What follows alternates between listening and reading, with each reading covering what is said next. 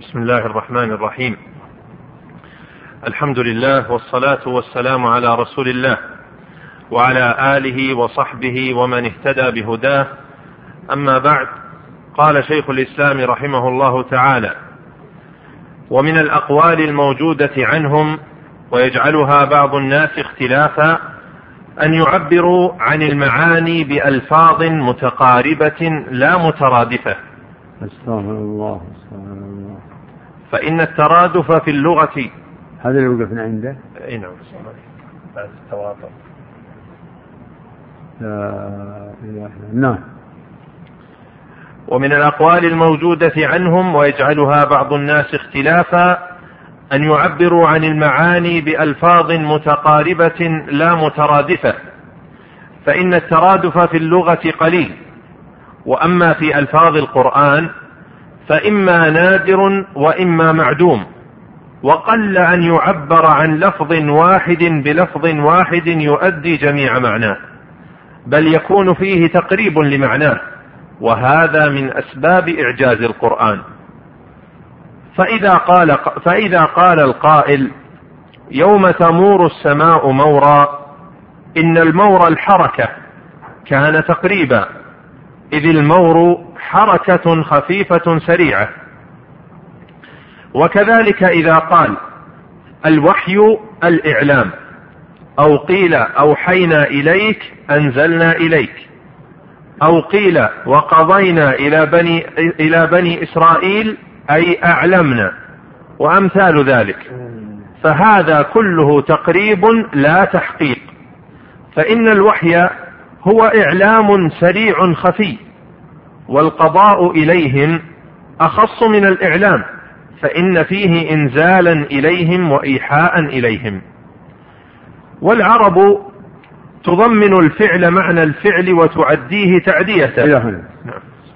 الحمد لله وصلى الله وسلم وبارك على عبده ورسوله.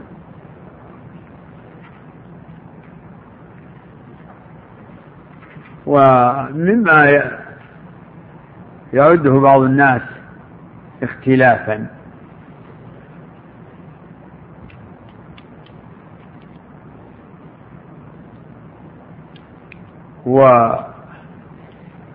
وينسبون ذلك إلى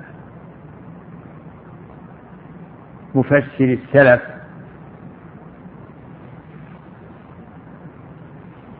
وهو في الحقيقة يشبه ما تقدم من حيث أنه اختلاف في التعبير اختلاف تعبير. وإن شئت قل إنه من قبيل اختلاف التنوع.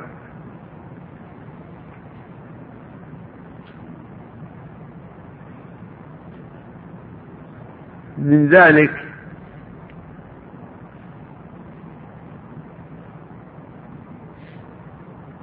التفسير ب بألفاظ على وجه التقريب لا على وجه التحديد. فإن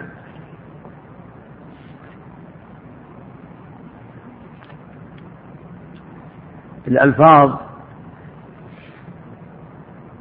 منها الألفاظ المترادفة. تقدم والمتكافئة والمتباينة تقدم ذكرها والتمثيل لها. وفي الألفاظ المتقاربة هذه بين المتكافئة والمترادف. وهي يقول الشيخ إن إن الترادف في اللغة قليل جدا. ما حقيقة الترادف؟ الترادف هو اتحاد المعنى واختلاف اللفظ. يعني ألفاظ لمسمى واحد يقال لهذه الألفاظ التي يعني اتحد معناها واختلف لفظها يقال إنها مترادفة. يقول الشيخ إن الترادف بهذا المعنى في اللغة قليل.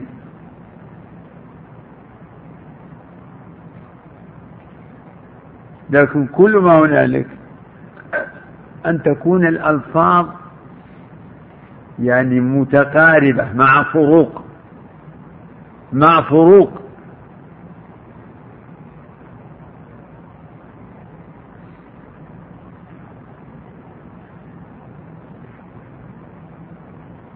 أما القرآن يقول إنه ليس فيه ترادف. يعني يقول إما نادر وكأنه ما ما في ما عنده مثال. أو معدوم وهو أشبه.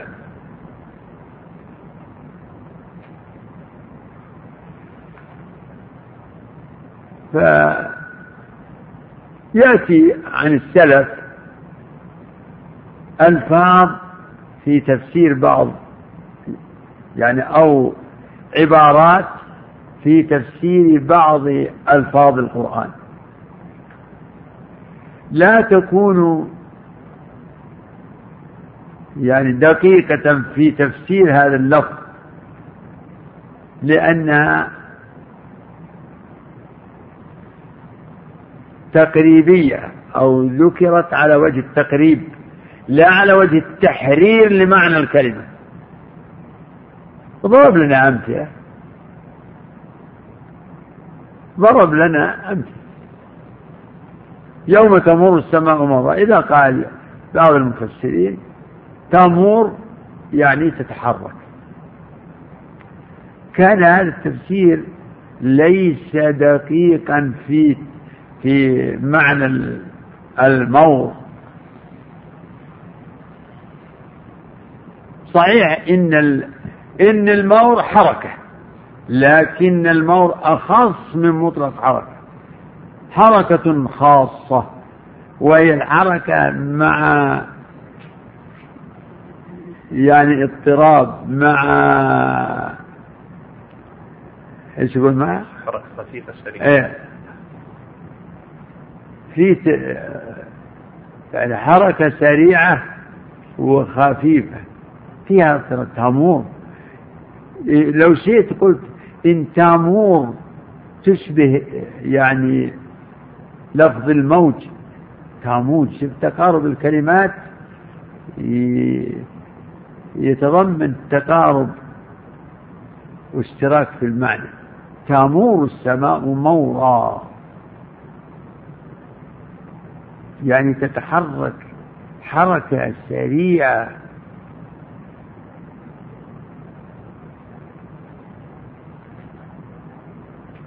مادة ما وراء تدل على هذا المعنى. فتفسير الموت بالحركات فيه تسامح تقريب. تقريب. صحيح لكنه ما هو ما يو ما يدل أو ما يعبر عن مدلول كلمة تامور. وهكذا الأمثلة الأخرى إذا قال قائل أوحينا إليك الوحي الإعلام. كان صحيح الوحي الإعلام لكنه ليس يعني مرادفا للإعلام الوحي. الوحي إعلام خاص إعلام بسرعة وخفية.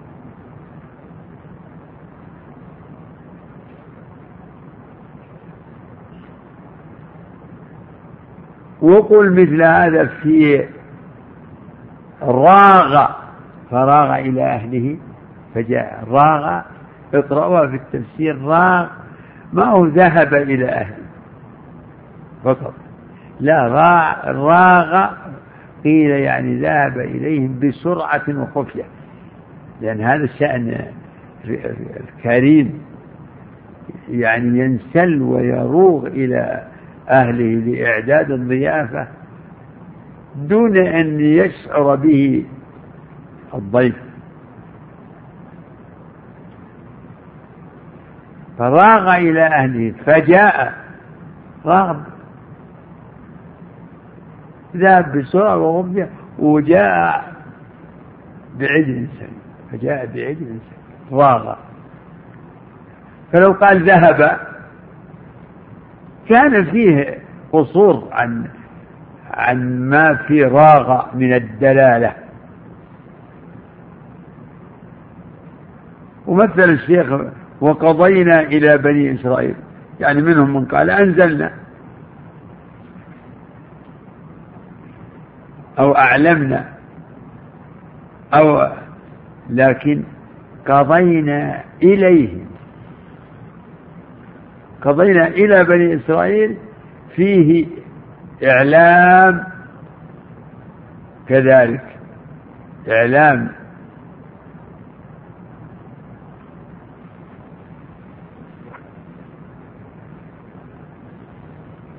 إعلام خاص. حكم بوحي وإنزال ولهذا يقول إنه يعني مضمن معنى أوحينا إلى بني إسرائيل أنزلنا إلى بني إسرائيل.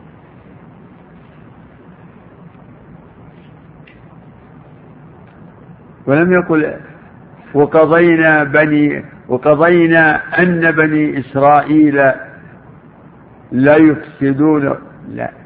أوحينا إلى بني إسرائيل لتفسدن. يعني أعلمناهم أنهم سيكون منهم كذا وكذا. أعلمنا. أوحينا إليهم وأنزلنا إليهم أنهم سيكون منهم الفساد مرتين. لتفسدن في الأرض مرتين. ولتعلن علوا كبيرا.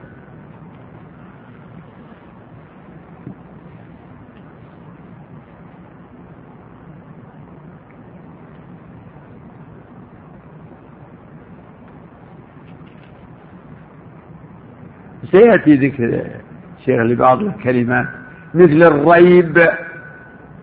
الريب كثير من المفسرين الشك لا ريب فيه لا شك فيه.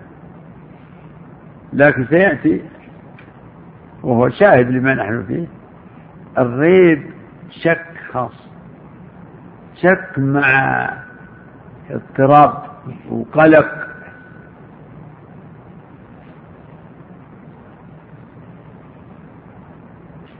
دع ما يريبك. الشيء الذي يعني تخاف منه. تخاف منه. فالشيء الذي يشك في حرمته المؤمن يقلق من منه.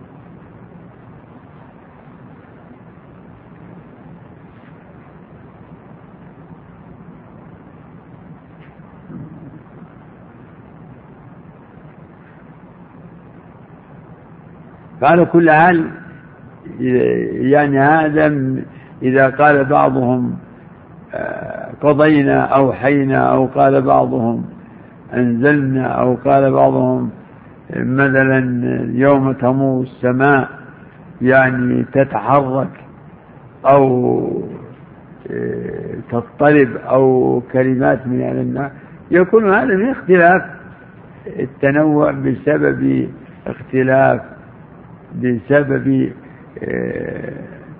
تقارب معاني الكلمات ويكون مقصود المفسر هو التقريب لا التحديد نعم. قال رحمه الله والعرب تضمن الفعل معنى الفعل وتعديه تعديته ومن هنا غلط من جعل بعض الحروف تقوم مقام بعض كما يقولون في قوله لقد ظلمك بسؤال نعجتك إلى نعاجه أي مع نعاجه. ومن أنصاري إلى الله أي مع الله ونحو ذلك. من أنصاري إلى الله؟ قال أي مع الله. أي مع الله نعم. ونحو ذلك. والتحقيق ما قاله نحاة البصرة من التضمين. فسؤال النعجة يتضمن جمعها وضمها إلى نعاجه. وكذ... نعم. وكذلك قوله وإن كادوا ليفتنونك عن الذي أوحينا إليك ضمن معنى يزيغونك ويصدونك. إن كادوا ليفتنونك عن نعم. وكذلك قوله ونصرناه من القوم الذين كذبوا بآياتنا. ضمن معنى نجيناه وخلصناه. نعم. وكذلك قوله يشرب بها عباد الله ضمن يروى بها ونظائره كثيرة. هذا أيضا يعني يشبه ما قبله. يشبه ما قبله. وهو أن العرب تضمن الفعل معنى فعل آخر وتعديه تعدية هذه كقاعدة هو أسلوب من أساليب العرب. تضمن الفعل معنى فعل آخر ثم تعديه تعدية ذلك الفعل آه، المنطوي في في الفعل المنطوق. تضمن الفعل المنطوق معنى فعل آخر غير منطوق به فتعدي ذلك الفعل المنطوق بما يتعدى به المعنى المضمر غير المنطوق.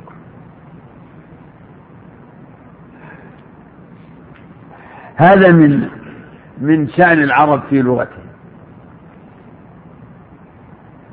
يقول بناء على هذا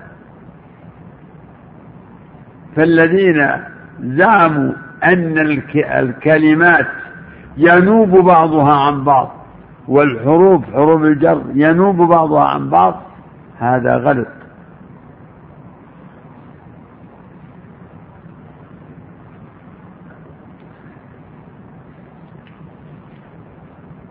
ومن أمثلة ذلك كثير عندهم. ولا أصلبنكم في جذوع النخل يقولون معناها على جذوع النخل. ففي بمعنى على هذا على طريقة الكوفيين. وأما على طريقة البصريين فمعنى لا أصلبنكم مضمن معنى يعني أدخلكم في جذوع النخل تضمين. من شدة الصلب ها بحيث يلتصق تلتصق الأجساد بال بالجذع جذع النخل. حتى كأنه قد أدخل فيه. لأصلبنكم في جذوع النخل. ومن هذا القبيل قوله تعالى في شأن نوح نصرناه من القوم. المعتاد إيش يقال؟ على. فالكوفيون يقولون إن الحروف ينب بعضها عن بعض. فيقولون ونصرناه من القوم أي على القوم. فمن بمعنى على وتمشي.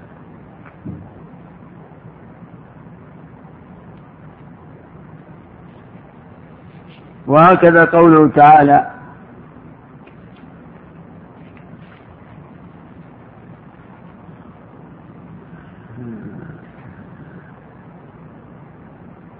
قول تعالى عن الخصمين إن هذا آخر تسعة وتسعون ناجة ولي نعجة واحدة. فقال أكفنيها وعزني في الخطاب. قال لقد ظلمك بسؤال نعجتك إلى نعاجه بسؤال نعجتك إلى نعاجه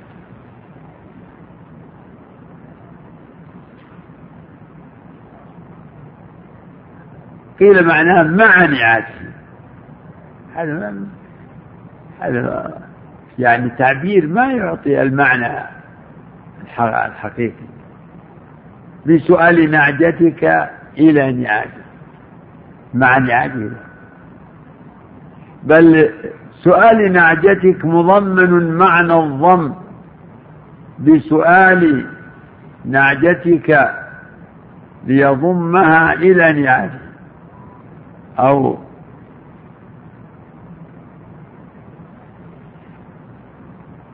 بضم نعجتك إلى نعاجه. فيكون الفعل حينئذ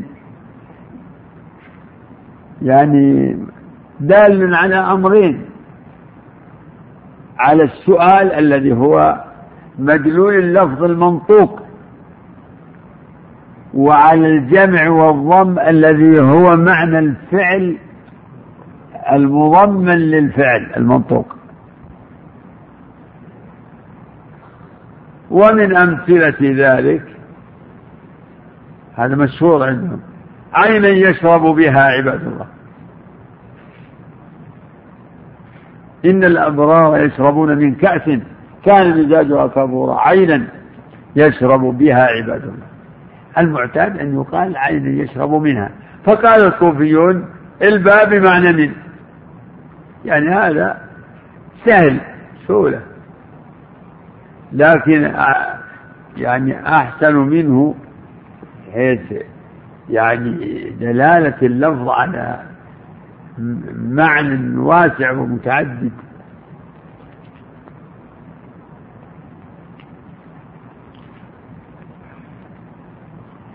عينا يشرب بها؟ ضمن معنى يروى بها فأفادت الكلمة معنيين الشرب والري. انهم يشربون منها ويروون بها.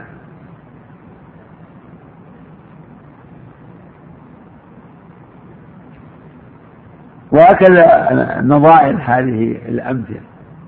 كثير والتضمين يعني أرجح من القول بتناوب الحروف بعضها عن بعض. لا. بل هي بل القول الذي هو أبلغ وأدل هو هو القول بتضمين الفعل معنى فعل آخر ثم تعديته بما يتعدى به. وهذا نوع من إعجاز القرآن حيث جاء بهذه الأساليب البديعة. فتكون الكلمة دالة على المعنى. معنى الفعل الملفوظ ومعنى الفعل المطوي في الفعل المضمن معنى الفعل المنطوق.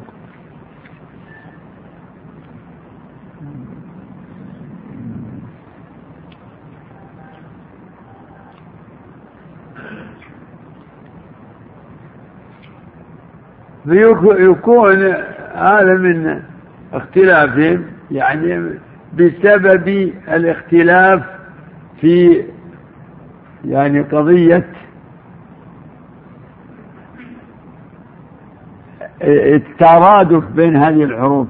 هل ونصرناه من القوم؟ من؟ خلص بمعنى على وانت هذا قول لفريق يقول نصرناه يعني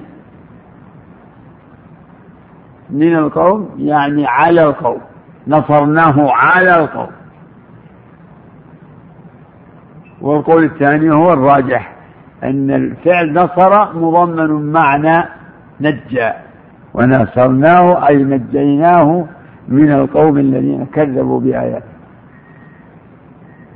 ونصرناه من القوم الذين كذبوا بآياته ونصرناه من القوم الذين كذبوا بآياته. ونوحا إذ نادى من قبل فاستجبنا له فنجيناه وأهله من الكرب العظيم ونصرناه من القوم من القوم الذين كذبوا بآياتنا إنهم كانوا قوم سوء فأغرقناهم أجمعين. فمذهب التضمين هو مذهب نحاة البصر. يعني القول بتضمين الفعل معنى فعل آخر هو قول نحاة البصر. والقول بتناوب الحروف والألفاظ هو قول نحاة القول نعم. قال رحمه الله ومن قال لا ريب لا شك فهذا تقريب. تقريب مثل تمر تتحرك. يوم تمر السماء يعني تتحرك. نعم. هذا تقريب. و وإلا فالريب فيه اضطراب وحركة. نعم. كما قال دع ما يريبك إلى ما لا يريبك. الشيء الذي تجد فيه حرج وقالت اتركه. مثل البر مطمئنت إليه النفس واطمأن إليه القلب.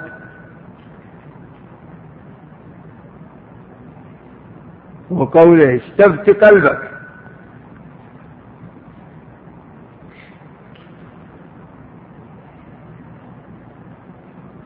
البر مطمئنة إلى النفس والإثم ما حاك في نفسك وكرهت أن يطلع عليه الناس في في في حرج. نعم. وفي الحديث أنه مر بظبي حاقف فقال لا يريبه أحد. فكما هذا في في مسيرهم إلى الحج محرمين. مر بظبي حاقف. قد لجأ إلى يعني بعض إيه، ما يتقي به فقال لا يريبه أحد. يعني لا يعرض له أحد وينفره ويخيف لا يخيفه أحد نعم. فقال لا يريبه أحد فكما أن اليقين ضمن السكون والطمأنينة فالريب ضده. ولفظ الشك وإن قيل إنه يستلزم هذا المعنى لكن لفظه لا يدل عليه. وكذلك إذا يعني الشك يتضمن القلق لأن الشاك متحير والحيرة توجب القلق لكن يقول إن لفظ الشك لا يدل على نعرف آه، يعني من حيث الاستلزام. أما اللفظ لا يدل على معنى الاضطراب والحركة بخلاف الريب. فإنه يدل على ذلك.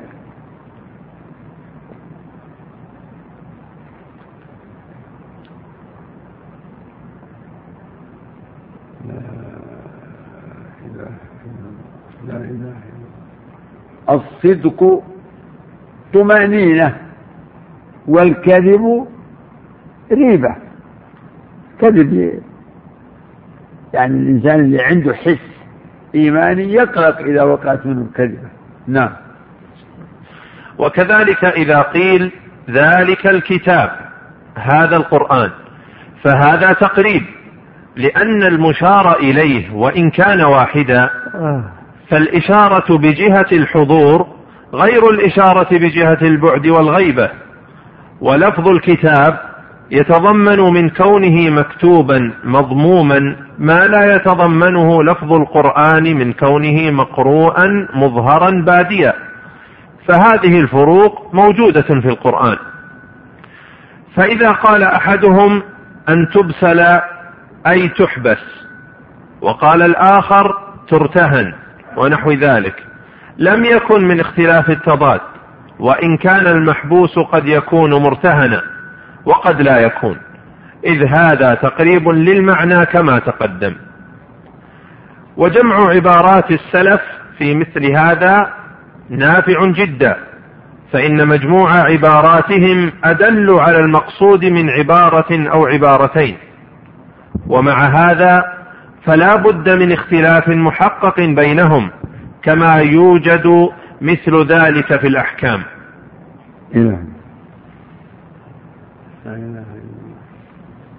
من شواهد ما تقدم إن القرآن له أسماء. تقدم إن القرآن له أسماء وأسماؤه متكافئة من نوع الأسماء المتكافئة كما قلنا في السيف وأسماء الرسول صلى الله عليه وسلم. لكن بسبب هذا التكافؤ صارت أسماء القرآن يفسر بعضها ببعض.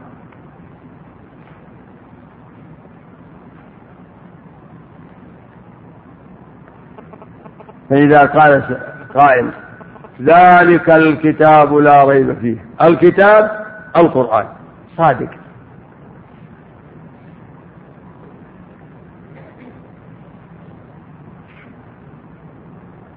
الكتاب القرآن وذلك إشارة للبعيد.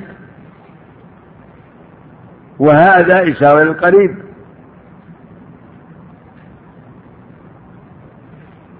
فإذا كان القرآن موجود حاضر بينه. إذا فما وجه ذلك ذلك. يعني هذا الذي جالس بين المعنى. يقول شوف ذلك. يقول شوف هذا. كتاب بين يديك تقول هذا هذا هو هذا إشارة للقريب لكن ذلك إشارة للبعيد. بعد المسافة أو بعد المنزلة. ولهذا قيل في قوله تعالى ذلك الكتاب إن الإشارة إلى علو مرتبته ذلك الكتاب.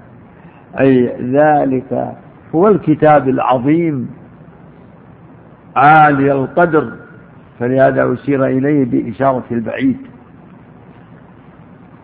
من فسر الكتاب بالقرآن فهو من التفسير التقريبي فهو من قبيل التفسير بالمقارب. فإن لفظ القرآن اسم لهذا الكتاب والكتاب اسم.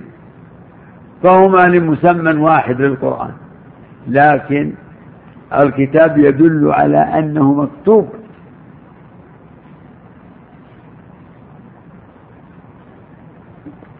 فالرسالة لا تعد كتابا إلا إذا كانت محررة كتاب. رسالة خطية كما يقولون. رسالة خطية هذه كتاب. لكن رسالة شفهية كتاب؟ لا. إذا الكتاب القرآن الهدى البصائر البشير النذير الفرقان كلها أسماء لهذا ولكن كل اسم له دلالة. فإذا قال المفسر ذلك الكتاب يعني القرآن هو صادق.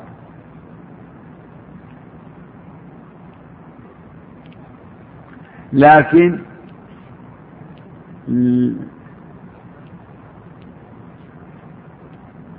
لكنه يعني لم يقصد تفسير كون الوحي المنزل على محمد إنه الكتاب فإن له أسماء.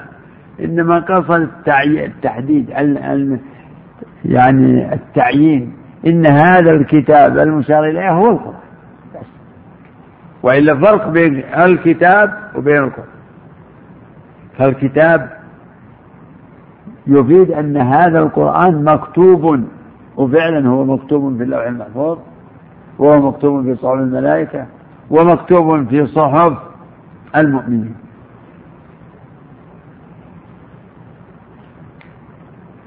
ذلك الكتاب لا ريب فيه هدى للمتقين.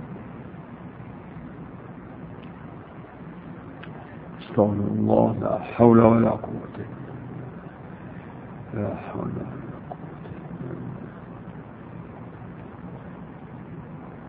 وهكذا لو قال قال الهدى هو القرآن صح هو القرآن. لكن الهدى له دلالة. القرآن قيل إنه مصدر. وهو في العقيدة مصدر. والمصدر يأتي في موضع في موضع اسم المفعول فالقرآن مصدر قرأ يقرأ قرآنا ويطلق هذا اللفظ على اسم المفعول. يعني المقروء المظهر فيه معنى الإظهار القرء بمعنى الإظهار.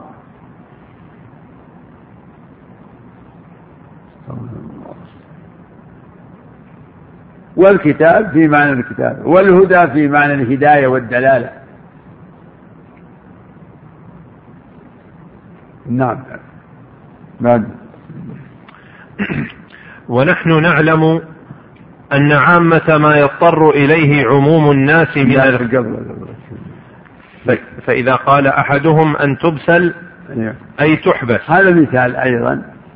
تنوعت عبارات المفسرين عن تبسل. تبسل هذه الآية ما جاء ما لها نظير في القرآن إلا في هذا الموضع.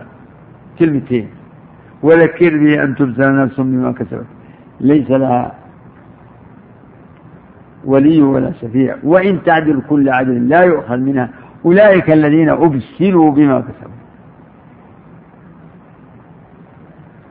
أن تبذل أولئك الذين أبسلوا. بس الكلمتين هذه واحدة. فقال بعضهم تحبس. إن الذين أبسلوا يعني حبسوا. وقيل ارتهنوا. ذلك الذين أبسلوا بما كسبوا. وذكر بأن تبسل أي تحبس. أو قال بعضهم أن ترتهن أو ترهن. فيقول إن هذه الألفاظ متقاربة وهذه التفاسير متقاربة.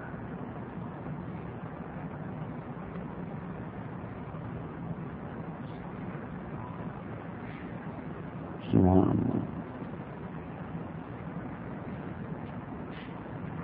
والإبسال يعني أخف من مطلق الحبس.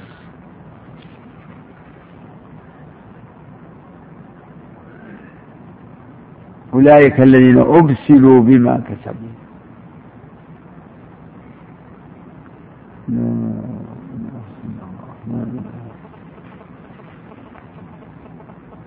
فعبارات المفسرين عن هذا اللفظ تنوعت لكن كلها تأتي مقربة للمعنى.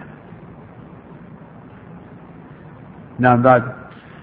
أي تحبس وقال الآخر ترتهن ونحو ذلك لم يكن من اختلاف التضاد.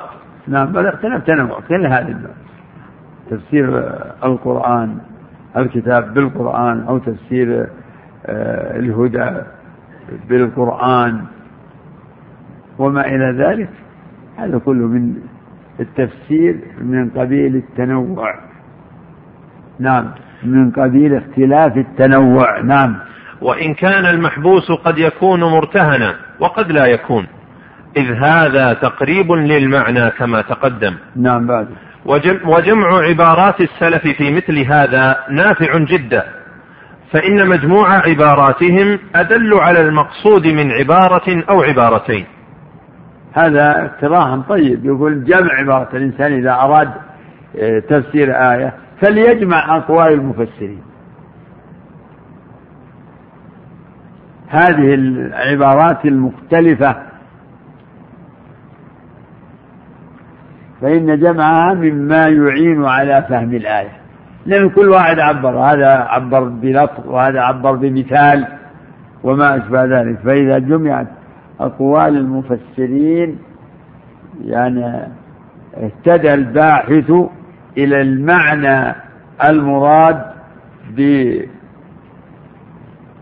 اهتدى إلى المعنى المراد يعني ب... ب... بدقة دون أن تختلط عليه دون أن تختلط عليه وتختلف عليه عبارات المفسرين. قل وينبغي أن وجمع عبارات السلف في مثل هذا نافع جدا. نعم. فإن مجموع عباراتهم أدل على المقصود من عبارة أو عبارتين. نعم. ومع هذا فلا بد من اختلاف محقق بينهم. يقول مع ما تقدم. من بيان أن اختلاف السلف في التفسير من قبيل اختلاف التنوع. وذكر من يعني هذه التقسيمات ومنشأ هذا الاختلاف اختلاف التنوع. منشأه يعني تعدد الأسماء واختلاف المعاني والصفات كما في الأسماء المتكافئة. أو الاختلاف في بيان المعنى بالمثال فهذا يذكر مثالا والآخر يذكر مثالا ويكون كل أو الاختلاف بسبب الكلام في أسباب النزول.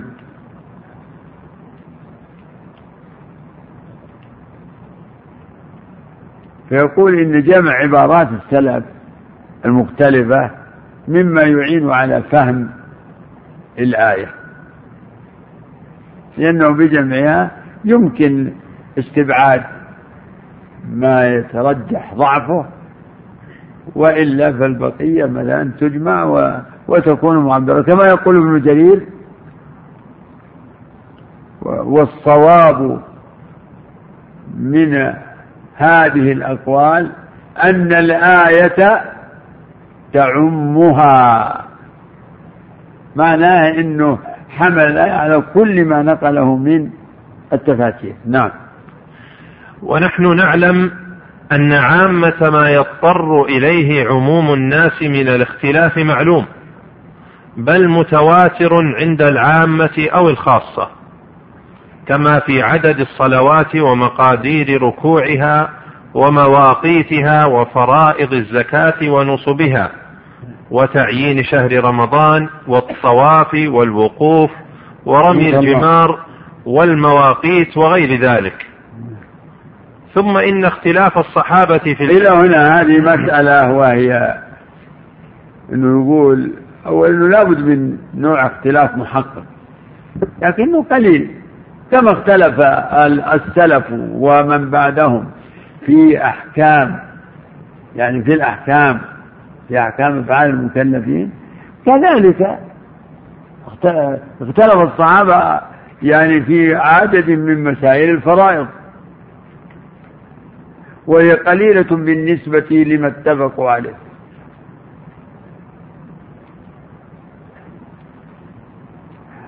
وقد يحصل اختلاف في مسائل يعني في مسائل الاعتقاد وهي قليلة.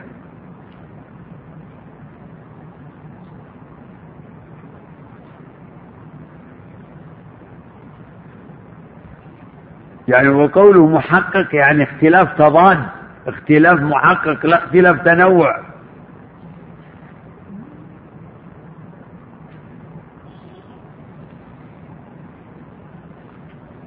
سبحان الله العظيم.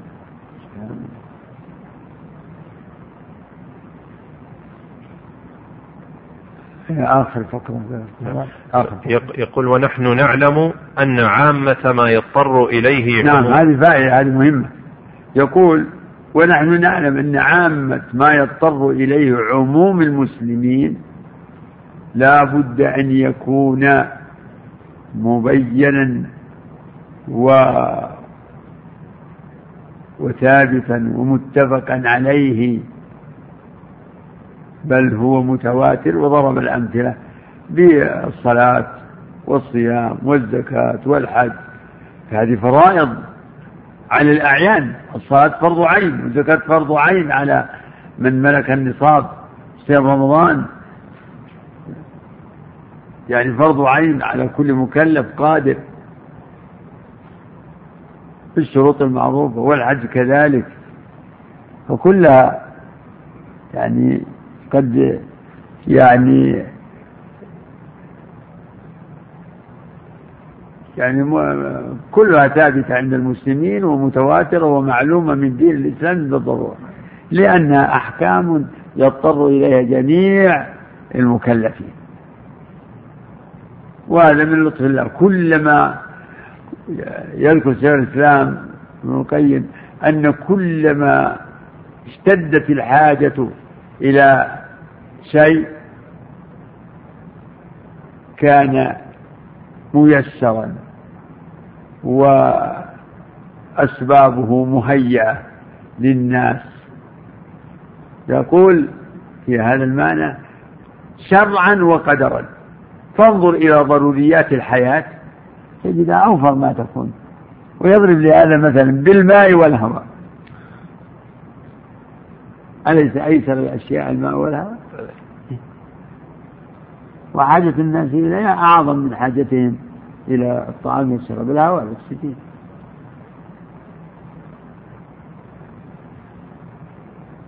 وكذلك في المسائل الشرعية يقول كالتوحيد فالدلائل عليه أعظم وأظهر من الدلائل على غيره وهكذا وهكذا. فكلما عظمت الضرورة واشتدت الحاجة إلى شيء كان يعني أسبابه وطرقه ودلائله أسبابه أيسر ودلائله أظهر والله أعلم. أعد الجملة قال رحمه الله ونحن نعلم أن عامة ما يضطر إليه عموم الناس من الاختلاف معلوم. نعم. بل متواتر. من إيه؟ فيه الشيخ محمد استشكل العبارة. لا قلها قلها شوف.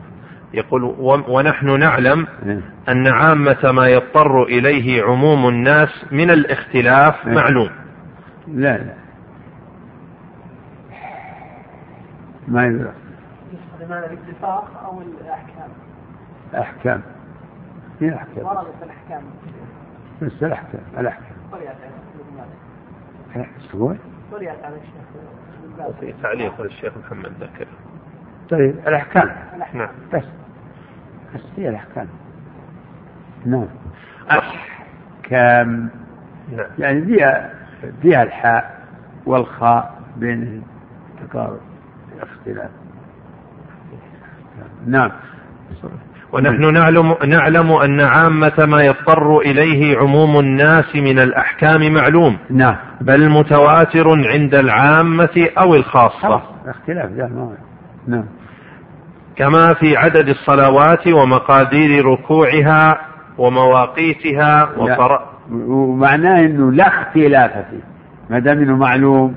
نعم. كل ما يضطرون إليه الناس فإنه متواتر فلا اختلاف فيه.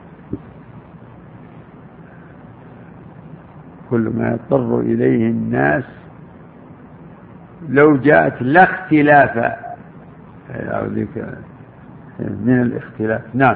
مش مش المعنى معلوم جدا. نعم. ومواقيتها وفرائض الزكاة ونصبها وتعيين شهر رمضان والطواف والوقوف ورمي الجمار والمواقيت وغير ذلك. ما في ما في اختلاف في مواضع الحج. المناسك. ها؟ ولا اختلاف في زمن الحج أيام الحج. ها ما في واحد يقول الحج يكون في في أول الشهر. بعضهم يقول في آخر الشهر. لا أيام الحج معلومة الحج أشهر معلومة. يعني مواضع الحج معلومة عرفة مزدلفة ومنى. وموضع الطواف معلوم وهكذا. يعني أمور قطعية. نعم. ثم إن اختلاف الصحابة في الجد والإخوة وفي المشركة ونحو ذلك لا يوجب ريبا في جمهور مسائل الفرائض بل فيما يحتاج إليه عامة الناس وهو عمود النسب من الآباء والأبناء والكلالة من الإخوة والأخوات ومن نسائهم كالأزواج. فإن الله أنزل في الفرائض ثلاث آيات مفصلة. ذكر في الأولى الأصول والفروع وذكر في الثانية الحاشية التي ترث بالفرض كالزوجين وولد الأم وفي الثالثة الحاشية الوارثة بالتعصيب وهي وهم الإخوة لأبوين أو لأب.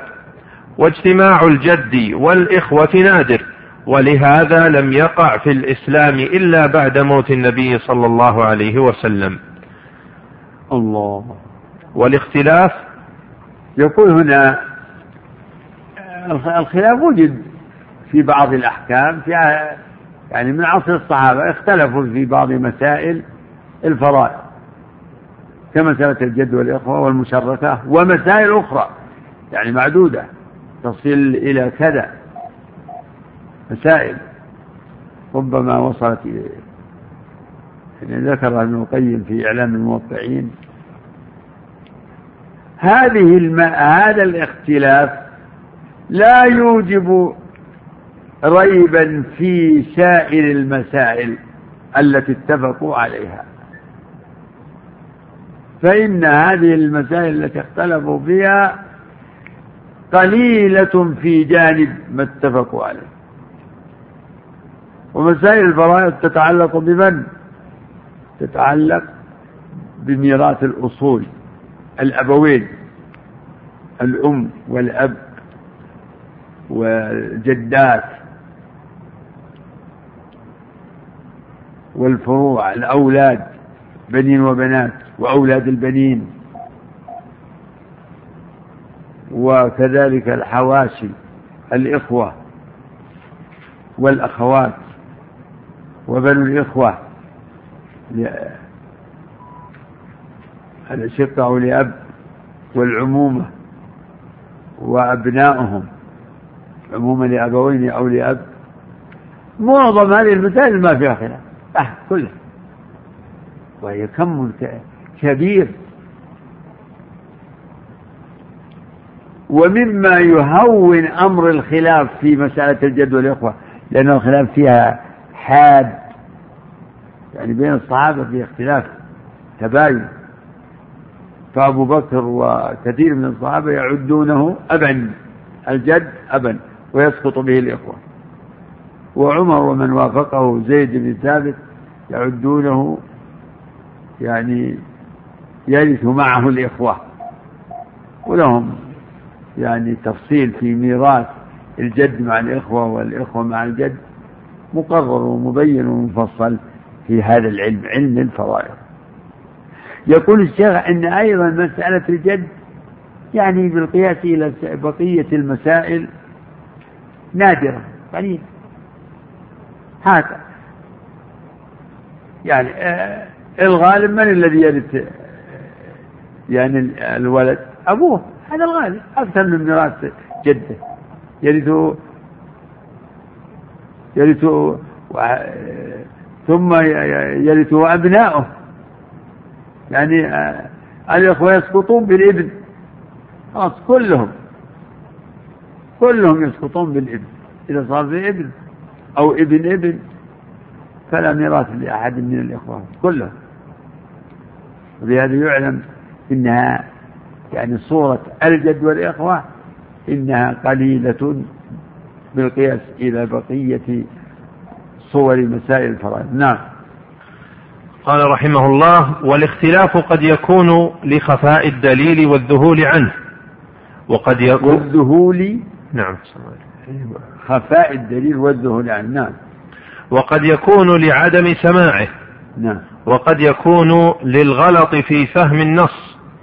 وقد يكون لاعتقاد معارض الراجح. فالمقصود هنا التعريف بمجمل الأمر دون تفاصيله. هذه الجملة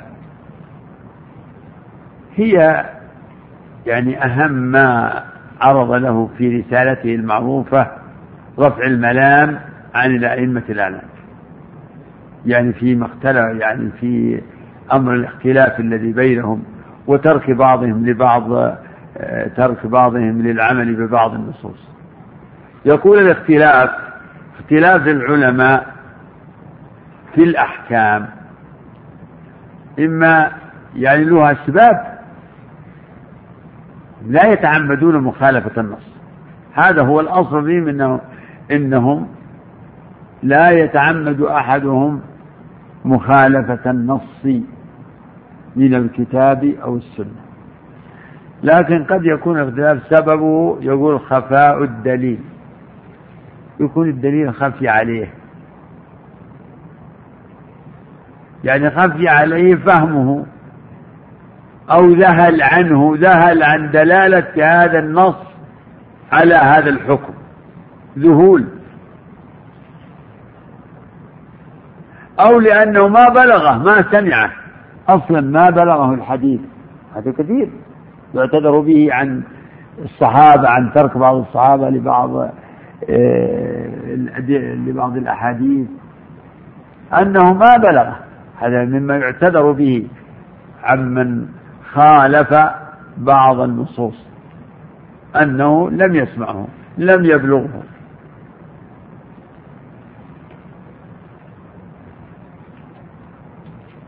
أو أنه يعتقد في تصوره أن لهذا الدليل ناسخ. أن هناك ناسخ لهذا الحكم.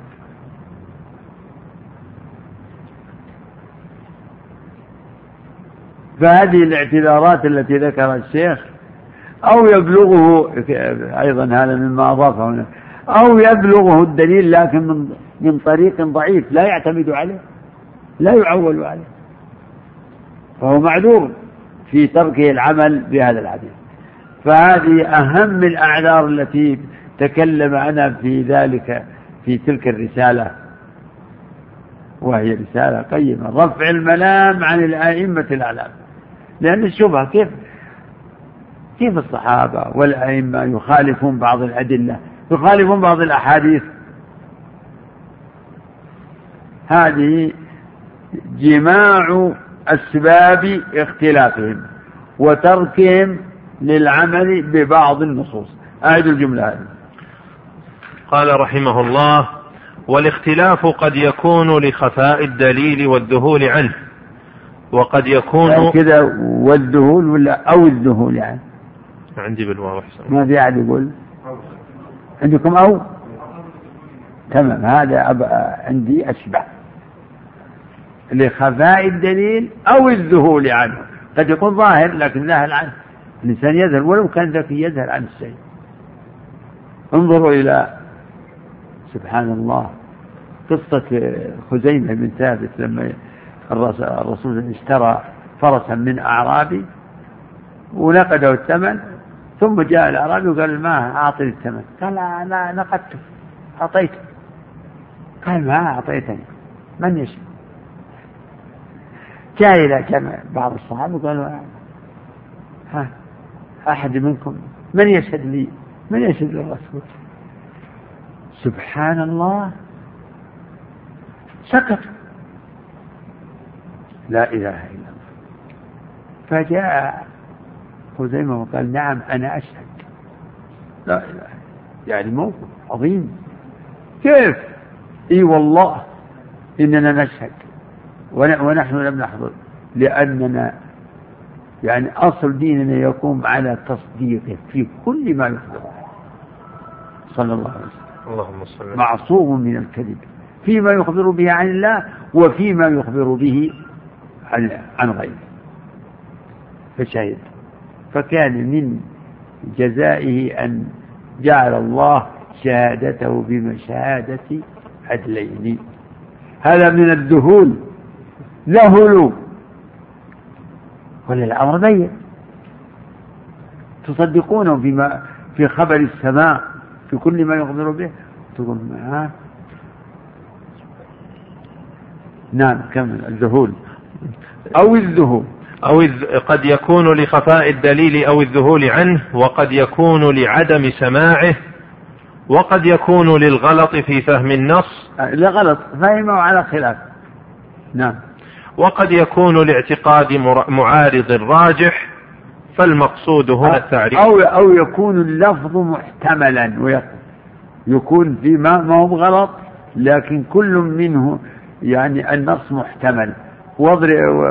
وأعتبر هذا في قول النبي عليه الصلاة والسلام لأصحابه لا يصلين أحد منكم إلا في, في بني قريظة.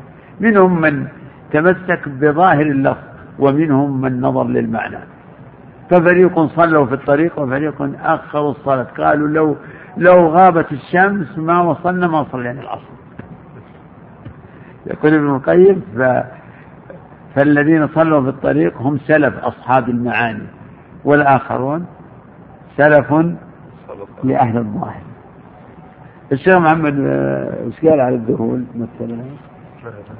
آه، حدد الموقف حدد اي نعم يا شيخ الآن فصل. فصل؟ إي نعم. زين. إيش قال على الذهول بس؟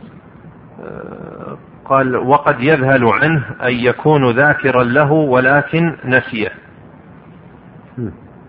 ثم قال وقد يكون لعدم سماعه. يعني ما مثل له بواقع. ها؟ لا ما ذكر شيء. طيب يكتفى كفى سيسر أحسن نعم.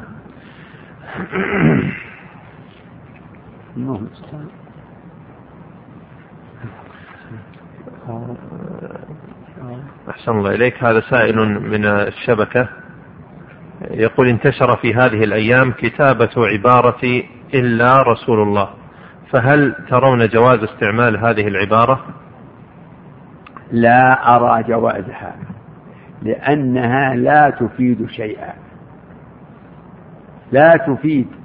هي عندي أشبه من يعني تشبه آه، ذكر الصوفية. الله الله. نحن لكن نعلم إن مقصود الذين كتبوها يعني كل شيء ولا الرسول. تقربون حماه ومقامه وحرمته. هذا مراد من كتبها. لكن إذا نظرنا لتحديد اللفظة إلا رسول الله اللي ما يدري عن القصة. وش يقول إلا رسول وش فيه؟ وش فيه إلا رسول الله؟ وهل هو صحيح؟ يعني سبوا كل أحد إلا رسول الله. هذا يستقيم الكلام. سبوا كل أحد إلا الرسول فهي غلط؟ نعم. أحسن الله إليك. هذا أخونا زكريا من ليبيا يقول سماحة الشيخ نسأل عن حكم فعل عملية جراحية لشخص خنثى مشكل بحيث يتم تعديل خلقته آه، ويتم تحديد نوعه إلى ذكر أو أنثى. الظاهر أنه لا مانع منه. ما مثل هذا لا يكون إلا لخنثى. والخنثى ذكره أهل العلم بأنه الذي له آلة ذكر وآلة أنثى. ثم إنه عندما يولد يقولون إنه آه، يصير إلى أحد آه، النوعين. إما أن تغلب عليه الذكورة فيصير فتجري له أحكام الذكورة. وهناك عند الفقهاء الخنث المشكل هو الذي لا يتبين فيه يبقى على حاله. ومما يميز الذكر مثلا قالوا أن تنبت تتفلك يتفلك ثدياه هذه يقتضي الأنوثة ومما يميزه للذكورة أن تنبت له اللحية ويميزونه بعلامات كذا وبالميول وبالبول مثلا من هذا أو هذا ومن هذه يعني علامات يعني تلحقه بأحد النوعين. لكن لله الحكمة البالغة. قد يكون مثلا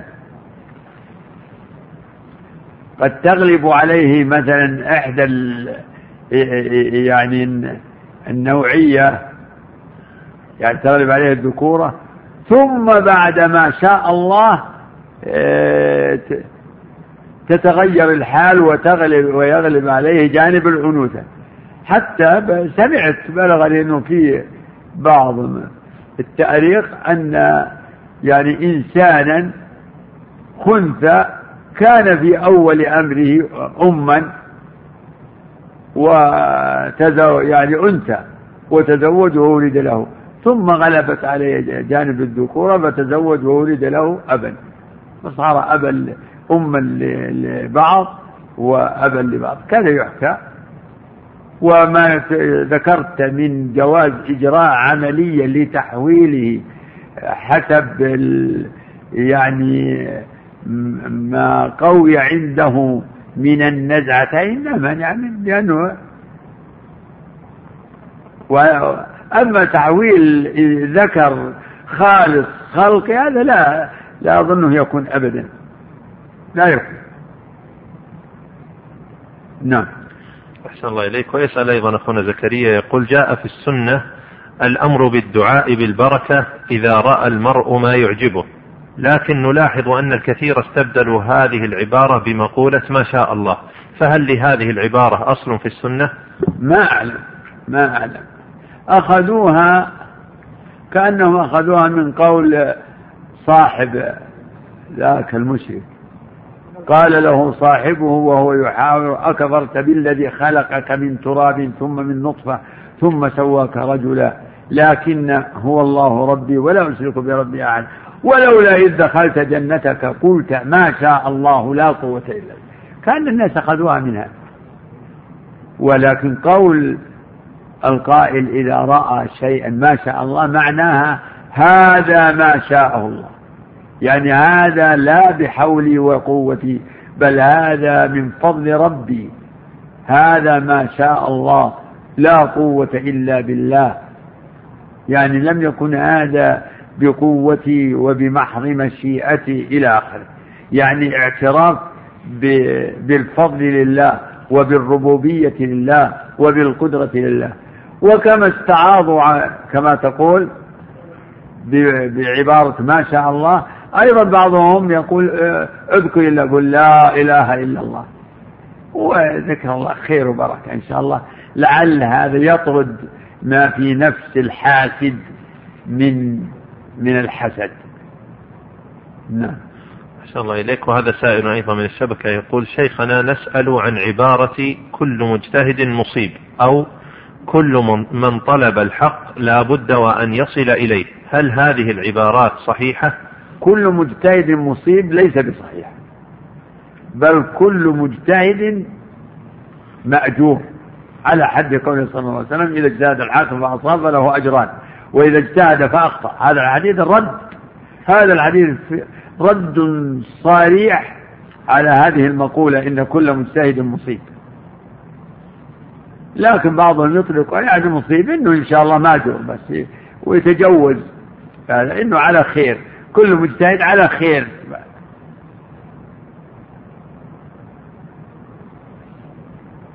كل من طلب الحق إيش؟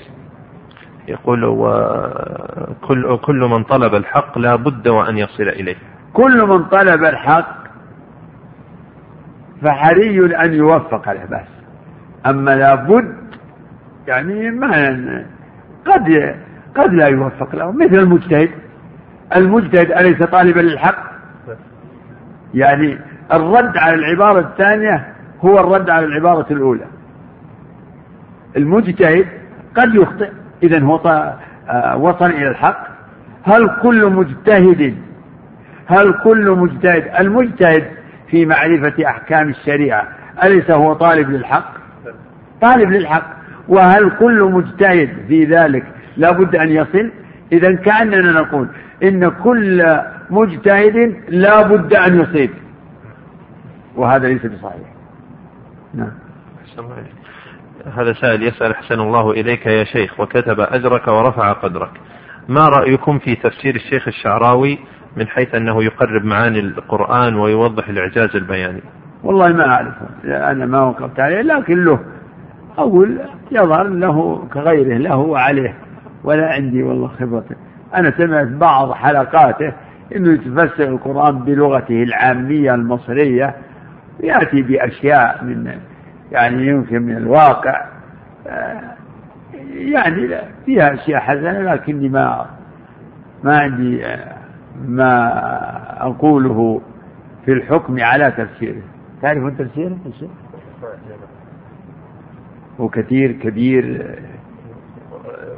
على كل حال وذكروا إنه يعني على طريقته يعني لا أدري بالضبط يعني يمكن في بعض آيات الصفات إنه على طريقة يعني كثير من المشايخ مشايخ الأزهر وغيرهم. نعم. أحسن الله إليك. هذا يسأل عن تفسير اعتنى بجمع عبارات السلف والتقريب بينها كما ذكر شيخ الإسلام. ما أدري إيش هو. يقول هل هناك تفسير اعتنى بجمع عبارات السلف والتقريب بينها؟ ما أعرف. اللي جمع هذا الدر المنثور في التفسير المأثور. للسيوطي كتاب كبير نقل فيها الأقاويل لكنه وقرب بينها وجمع بينها لا. لكنه يعين يعني جمعها يعين الباحث نعم. أحسن الله هذا سائل من الشبكة يقول نسأل عن الأموال التي يكسبها أصحاب مقاهي الإنترنت. هل هي حلال أم حرام؟ وشكرا. ما أدري. مقاهي الإنترنت يعني تختلف. رواد هذه المقاهي تختلف أغراضهم. فما أغراضهم؟ ومن المواقع التي يدخلون عليها صاحب المقهى يمكنه يعرف الواقع. فإذا كان الداخل عليها يدخلون على مواقع الفجور والفواحش و ويرتكبون بسبب ذلك يعني أمور منكرة يصبح الكسب حرام. وبناء على التصور الإجمالي أنه إن مكسبها مختلط. يعني الأموال التي يكسبها صاحب المقهى مختلط. لأن الرواد مختلطون تختلف أغراضهم. فقد تكون نسبة الحرام أكثر وقد تكون أقل وهكذا. والله أعلم. يقول أحسن الله إليكم, إليكم شيخنا وقد آه، هل توجد هل تجوز تزكية النفس ولو كان المرء مازحا كأن يقول أنا شيخ جليل وهكذا؟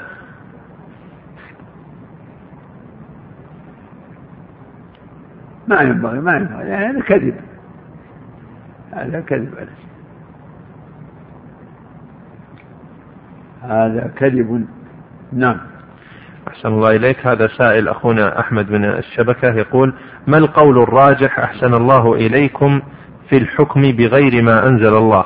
أي نوع أي أي نوع من أنواع الكفر فقد كثر الحديث في هذه الأيام حول هذا. أفتون مأجورين. كثر في هذه الأيام وقبل هذه الأيام وقبل هذه الأيام. واقرأ رسالة الشيخ محمد ابن إبراهيم. تجد فيها على اختصارها تجد فيها الشفاء إن شاء الله. نعم. وهذا يسأل أحسن الله إليك عن البسملة داخل الحمام. جلكم الله. أرجو أنه لا بأس لكن تقولها سرا يعني لأن هذا جمعا لأن الحمامات الآن ليست كالحشوش العفنة. الآن الحمامات يعني آه، نظيفة وطيبة ونقية ما فيها إلا موضع الجلوس. نعم. هذا يقول أحسن الله إليكم. هل إذا فسرت الرؤيا أو هل إذا إذا فسرت الرؤيا نبني عليها مواقف وتصرفات أم لا؟ مع العلم أننا لا نبني عليها حكما شرعيا. والله يعني ممكن. ممكن يبنى عليها. يوسف عليه السلام بس الشأن في التعبير والمعبر. والله أعلم. لكن يوسف آه، فسرها تفسير وبنى عليه. يعني وأرشد إلى ماذا يعمل؟ سبع آه، تزرعون سبع سنين دابا فما عصدتم فذروه في سنبلة. ها فذروه في سنبلة إلا قليل مما تأكلون. هذا معناه استعداد للسبع الشداد نعم. هذا السؤال الأخير. يقول شيخنا الكريم أحسن الله إليك أشهد الله على حبك. ما رأي فضيلتكم في المساهمة بالمساهمات التي يقال عنها ليس فيها ربا أو نقية؟ هل هي جائزة؟ والله أنا ما أدري. الحكم على الشيء فرع عن تصوره والأقوال فيها مضطربة وأصحاب التخصص مختلفون وعلى كل حال يعني هذا من فتن من فتن هذا الزمان. أن المسلمين آه، يعني آه، يعني آه، انضموا يعني كما يقال إلى نظام النظام العالمي الاقتصادي والعولمة وانتقلت إلينا الأنظمة الاقتصادية التي يعني هي من صنع الكفار نظام أنظمة ربوية وأنظمة التأمين وأنظمة الاتجار بطرق متنوعة كثيرة. يعني يحار فيها يعني الفقهاء وتجتمع عليهم كثيرا. هذا من كل من من بلاوي الارتباء في أحضان الكفار ومسايرتهم ونقل أنظمتهم إلينا. دون دون تمييز ولا تنقية. نعم. وفق الله.